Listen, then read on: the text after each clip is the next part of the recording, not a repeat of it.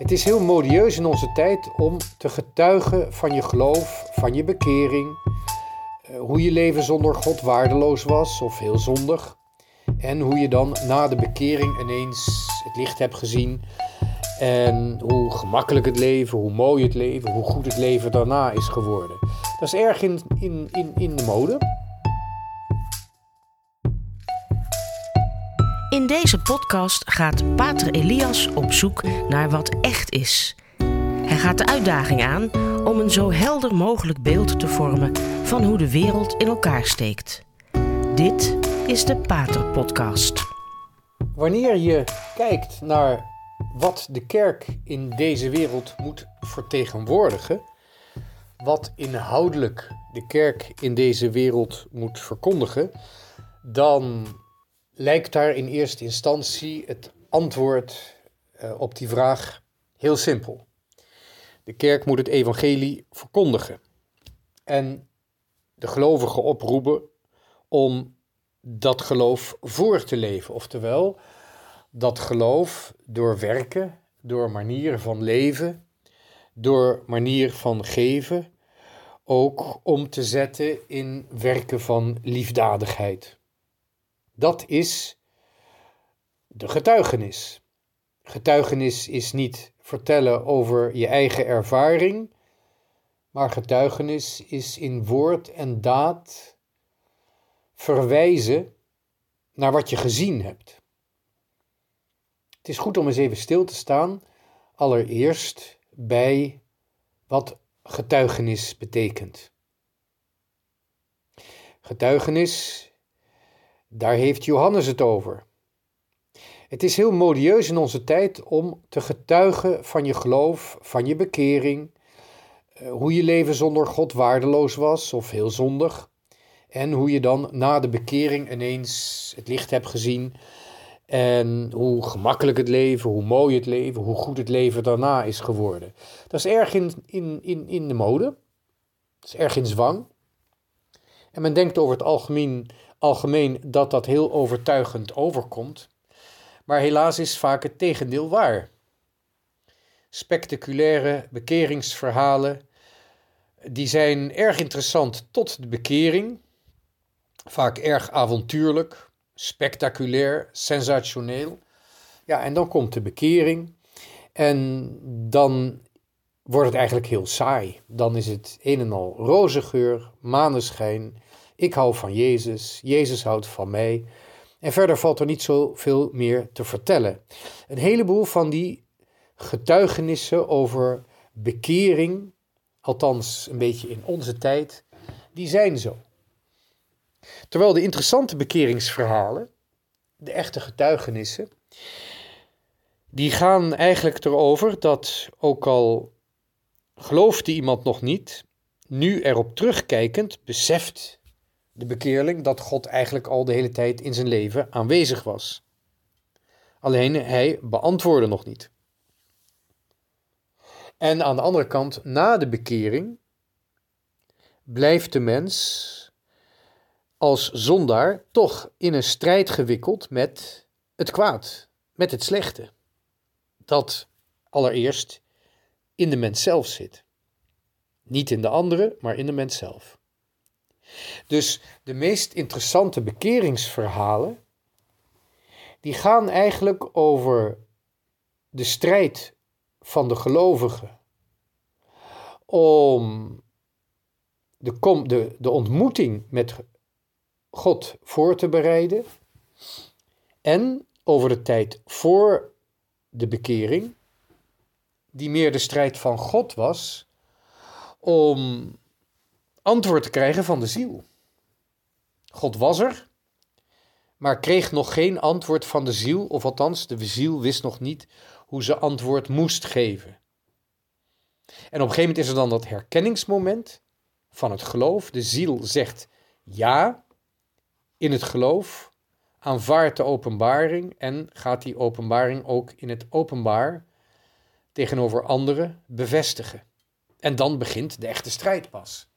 Want dan wordt de ziel zich ook bewust van de weg die nog is af te leggen. Op weg naar de ontmoeting met God. Dat zijn eigenlijk de interessante bekeringsverhalen. De bekeringsverhalen die een echte getuigenis zijn, dat wil zeggen, die nuttig zijn voor anderen, voor het geloof, de hoop en de liefde van anderen. God was er al, God was bezig, God riep, God verlichtte van binnenuit. Tot de bekering.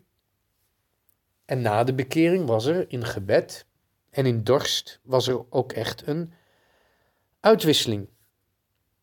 Een dialoog met God. Ter voorbereiding van het zien van God.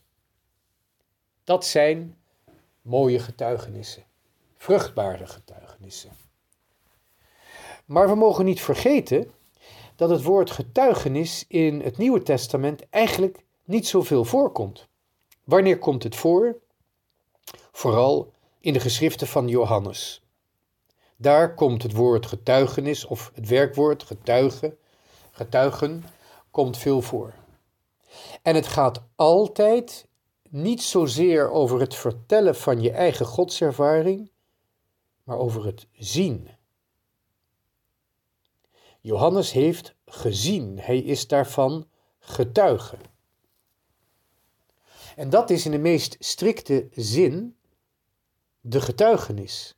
De getuigenis is het garanderen van iets dat je gezien hebt en wat de anderen niet hebben gezien. En dus ja, moeten geloven om het te aanvaarden. Ze hebben er geen directe ervaring van.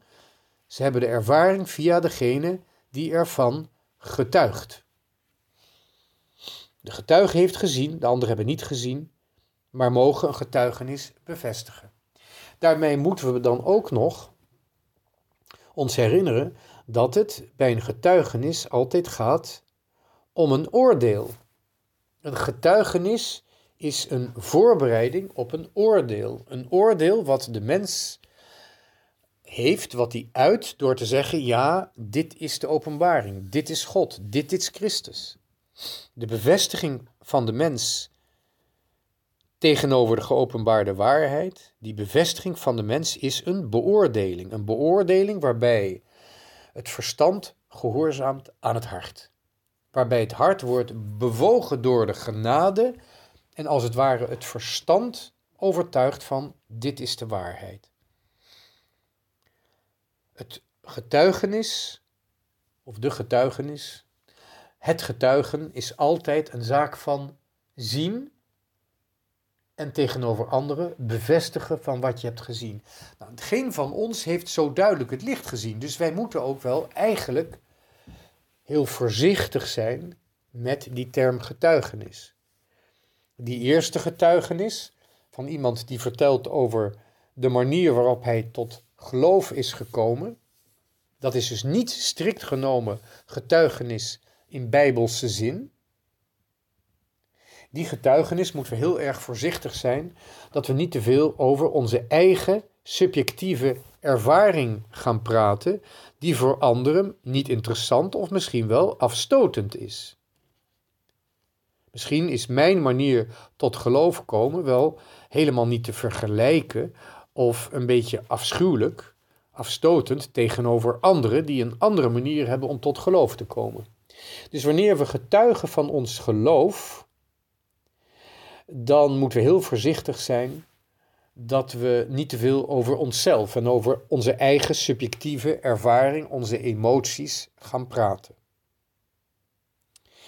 Terwijl als je het hebt over de getuigenis, die, ehm, de getuigenis die echt in strikte zin de betekenis heeft van Johannes, namelijk het gezien hebben en het garanderen dat het de waarheid is, die is, heeft ook een, ehm, heeft ook eh, een risico. Het is namelijk heel belangrijk om te beseffen dat het zien van een mysterie, het zien van een geloofswaarheid, het inzicht wat je kunt hebben in bepaalde realiteiten en waarheden van het geloof. Die geloofswaarheid is voor ons allemaal hetzelfde, maar wij krijgen binnen die, binnen die gemeenschap van het geloof, krijgen wij toch ook inzichten die anderen niet krijgen. We moeten beseffen dat die inzichten van het licht dat God geeft vanuit het, ons geloof, als antwoord op ons geloof, dat dat licht niet direct in de praktijk is om te zetten. Wanneer we begrijpen wat goed en slecht is, kunnen we, kunnen we dat wel direct in ons eigen handelen, in ons eigen doen omzetten. Wat slecht is, proberen we niet te doen of we proberen het tegen te gaan bij anderen. Bij onszelf en bij anderen proberen we het slechte te bestrijden en het goede, wat goed is voor God, voor onszelf, voor anderen, dat gaan we bevorderen. Daar kunnen we iets mee doen. We willen het goede doen en het slechte nalaten of indien nodig bestrijden. Maar wat we zien, dat zijn vaak waarheden die de wereld overstijgen. Die inzichten van het geloof, daar kunnen we niet direct iets actiefs mee ondernemen. En dat is vaak heel moeilijk voor ons om te aanvaarden. Toch heeft Johannes dat ook moeten aanvaarden. Een voorbeeld daarvan zien we aan tafel bij het laatste avondmaal. Laat Christus wel aan Johannes blijken wie de verrader is. Maar Johannes vertelt het niet aan Petrus. Petrus heeft wel eerst aan Johannes gevraagd om aan Jezus te vragen wie de verrader is. En Johannes krijgt het antwoord van Jezus, maar Johannes geeft het antwoord niet terug aan Petrus.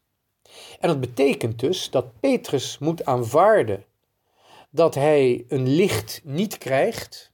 Dat hij wat, en het is ongelooflijk dat Petrus niet heeft aangedrongen bij Johannes. En als Johannes die waarheid van Judas aan Petrus had verteld, dan had Judas waarschijnlijk, voordat hij Jezus kon verraden, al met een blauw oog of met een gebroken kaak buiten gelegen. Of Petrus had voorkomen dat hij verraad zou plegen. En dan hadden we dus helemaal geen Pasen gehad. Het is heel mysterieus. Petrus heeft moeten aanvaarden dat Johannes niet doorvertelde wie de verrader was.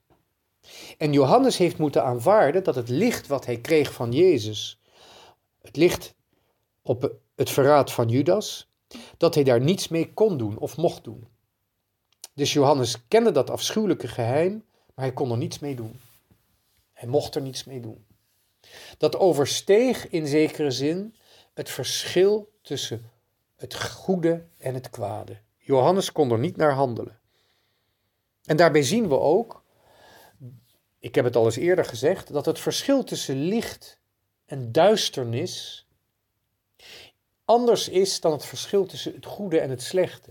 Het goede en het slechte, dat kennen wij tegelijkertijd in ons leven.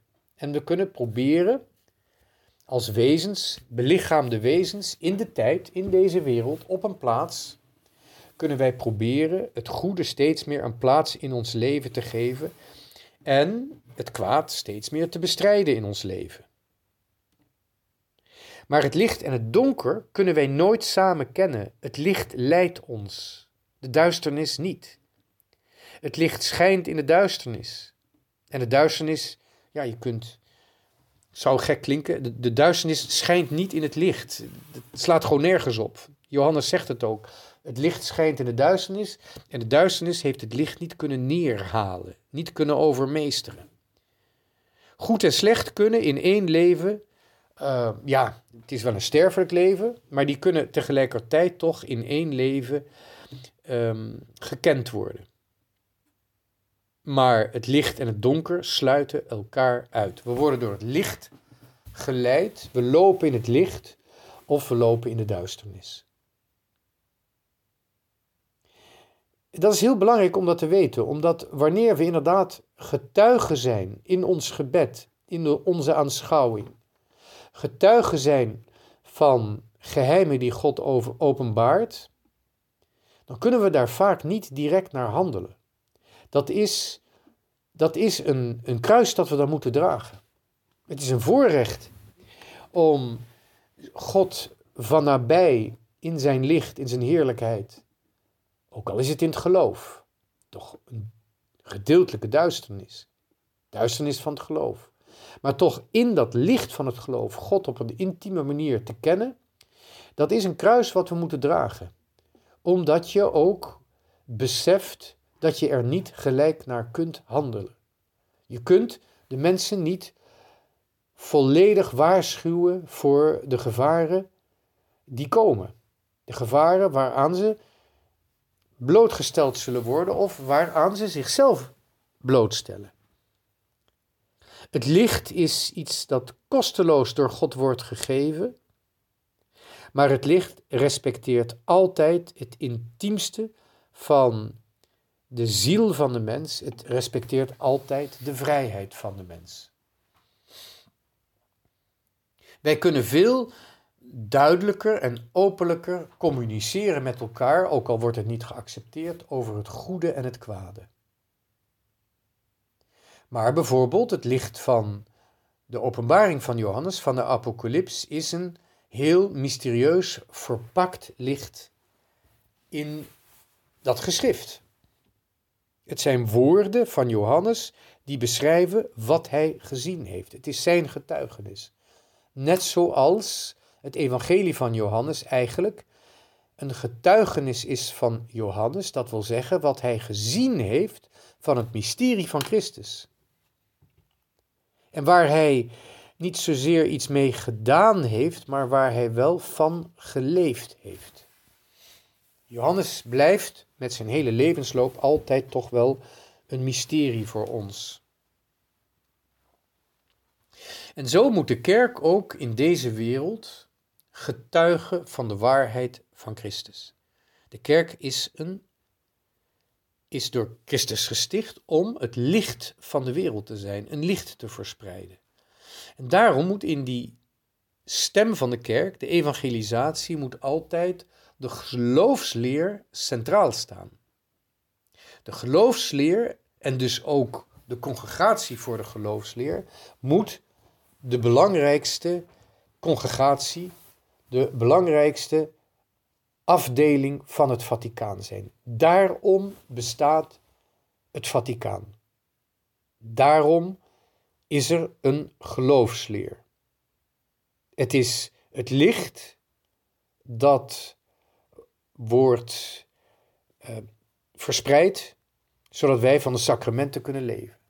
De kerk is niet alleen maar een sacramentenkabinet, het is een, um, het is een, ja, een dienst, een, een dienstinstelling van de sacramenten, maar die sacramenten worden verlicht door de kerk, zodat de mens in geloof kan beamen wat de waarheid is van die sacramenten. Dus de congregatie van een geloofsleer moet altijd het belangrijkste zijn. En dan kom ik dus eigenlijk bij iets pijnlijks wat mij iedere keer treft wanneer men het in de pers over de kerk heeft, is dat het wel lijkt alsof voor de wereld de diplomatie van het Vaticaan het belangrijkst is. Het Vaticaan is een kleine staat, het heeft een diplomatieke dienst. Maar die diplomatieke dienst staat ook echt als dienst ten dienste van het geloof. En juist doordat het Vaticaan zo'n klein staartje is, met diplomaten, kunnen die diplomaten ook op de achtergrond een hele belangrijke rol spelen in conflicten tussen landen door zich allereerst er niet mee te bemoeien, maar vervolgens op de achtergrond een belangrijke rol te spelen. Een, een rol waar verschillende landen, vele landen, wel degelijk gebruik van zullen maken en ook graag willen dat die rol wordt gespeeld. De Vaticaanse diplomaat heeft geen strategische belangen, geen economische belangen, geen sociale belangen maar is toch een instrument dat op de achtergrond in conflicten een bemiddelende rol kan spelen. Er zijn genoeg voorbeelden van. En het zorgwekkende is dat in deze wereld ineens die rol van de diplomatie van het Vaticaan belangrijker lijkt dan de rol van de geloofsleer. En dat komt nu tot uiting, onder andere in het merkwaardige fenomeen dat er een diplomatiek akkoord is tussen het Vaticaan en China, dat niet openbaar is, maar voor zover we, zover we daar wel iets van kunnen weten, de christenen in China erg nadeel aan ondervinden. Terwijl aan de andere kant we zien dat de pauselijke of de Vaticaanse diplomatie in het conflict dat is ontstaan door de invasie van Rusland in Oekraïne, dat die diplomatie eigenlijk een beetje het spoor bijster is. Eigenlijk niet weet wat er gedaan moet worden, wat er gezegd kan worden. De verhouding met de Russische orthodoxe kerk die wordt geleid door patriarch Kirill, die toch vooral allereerst weer blijkt een officier van de geheime dienst te zijn. Zijn codenaam is Michailov. Net zoals zijn voorgangers is hij een officier van de FSB en was van de KGB. Met hem zullen eigenlijk nauwelijks normale contacten mogelijk kunnen zijn. En hiermee komt ook, voor zover het nog mogelijk is, de eukemene heel erg in gevaar. Wat is, en kun je dus ook weer de vraag stellen: wat is belangrijker, de ecumene of de evangelisatie? Wat is belangrijker? De overtuiging dat het katholieke geloof het ware geloof is. De kerk, katholieke kerk, is door Christus zelf gesticht en wordt door Christus zelf geleid. Hij die de koning van het universum is, leidt ook is het hoofd van de katholieke kerk. Dat aspect van de evangelisatie, is dat belangrijker dan de diplomatieke contacten en de ecumene? Of is het andersom? Die vraag moet steeds meer gesteld worden. En het is zorgelijk in deze wereld, omdat juist in het conflict, in die oorlog die gaande is, elders de diplomatie volkomen afwezig lijkt te zijn. Het is heel merkwaardig zoals de westerse landen steeds meer van Poetin een, een grote slechterik maken die verslagen moet worden, zonder enig begrip van zijn regime, van uh, de Russische politieke en religieuze cultuur, wordt Poetin eigenlijk iedere mogelijkheid ontnomen om zonder, zich, zonder gezichtsverlies toch uit dit conflict te komen. Hij is al tien jaar als de grote slechterik aangewezen. En daarmee vernietig je eigenlijk alle mogelijkheden van diplomatie. En aan de Russische kant zie je ook dat de diplomatie langzamerhand helemaal uit elkaar aan het vallen is die minister van Buitenlandse Zaken van Rusland, had het erover, zei het in feite letterlijk, dat de grootste Jodenvervolgers, dat waren de Joden zelf. Hij zei dit omdat de president van Oekraïne Joods is, van Joodse afkomst is. Zijn grootouders zijn omgekomen in de, in de, in de Holocaust. Terwijl Rusland de inval excuseert rechtvaardig met denazificatie. Volgens hem wordt Oekraïne geleid door nazi's. Hoe kan een Jood nou een nazi-staat leiden? En daarbij antwoordt dan Lavrov, de minister van Buitenlandse Zaken. Natuurlijk kan dat, want überhaupt de ergste Jodenvervolgers, dat zijn de Joden zelf. Nou, afgezien van de feitelijke waanzin van deze opmerking is het ook nog een ongelooflijk getuigenis van incompetentie. Als je als hoogste diplomaat dit soort onzin gaat verkondigen, dan is er eigenlijk geen sprake meer van diplomatie. En we hebben nou juist in zo'n conflict als dit de diplomatie nodig. We moeten tot het uiterste proberen om een dialoog open te houden. Wat we ook strategisch doen in de oorlog, daar ga ik me niet mee bemoeien. Ik heb er wel mijn mening over, maar die hoef ik hier niet te verkondigen. En dat is ook best wel gecompliceerd om daar een oordeel over te vormen. Maar hoe je het ook went of keert, ook al zijn de anderen de, de slechte en wij de goede, diplomatie moet altijd beleefd blijven. Want je moet altijd een uitweg openlaten, zeker voor dictators die zich niet kunnen permitteren om hun eer te verliezen, om hun aanzien te verliezen, om hun gezicht te verliezen.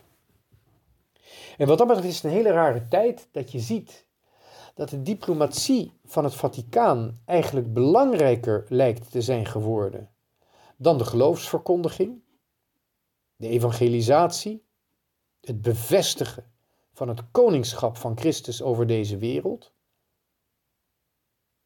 Terwijl overal elders de diplomatie, als ik het aardig mag zeggen, redelijk de kluts kwijt is. En daaraan zie je dat nu, vandaag de dag, meer dan ook, zowel binnen als buiten de kerk, zowel in het oosten als in het westen, die verkondiging van het evangelie het meest nodige is, de hoogste prioriteit is, het meest urgente is. Het gaat om ons geloof dat zowel met wapens en militair geweld bedreigd wordt, als met geestelijk geweld, met mentaal geweld. Het is niet voor niets dat op dit moment ook in Amerika er een propagandistische burgeroorlog aan de gang is over de abortus, die best ook wel heftig kan worden. Het Westen is, denk ik, niet minder de kluts kwijt dan de geheime dienst die Rusland nog steeds regeert. Overal zie je steeds duidelijker worden dat de verkondiging van het evangelie een absolute urgentie is. Dit is wat de wereld nu op dit moment het meeste nodig hebben. Degenen die het zien, moeten het van de daken schreeuwen. Christus is de koning van deze wereld. En hij zal spoedig komen om het laatste woord uit te spreken over de hele menselijke geschiedenis. Over de oorlogen, maar ook over de diepste verlangens die in de ziel van de mens geleefd hebben. Die de mens vorm heeft gegeven in zijn leven in de daden, in al zijn uitingen, in al zijn strijd, in de goede werken. Overal zijn diepe aspiraties in het mensenhart. En als die bewogen zijn door de Heilige Geest, hoe ze zich ook hebben geuit, maar God zal ze beantwoorden. God zal ze beoordelen naar waarheid omdat hij de koning is. En degene die uit de waarheid zijn, zoals Christus zelf zegt tegenover Pilatus, degene die uit de waarheid zijn, die luisteren naar zijn stem. Het is belangrijk dat wij vandaag ook naar die stem proberen te luisteren, om getuige te zijn van het licht van de wereld. Bedankt voor het luisteren.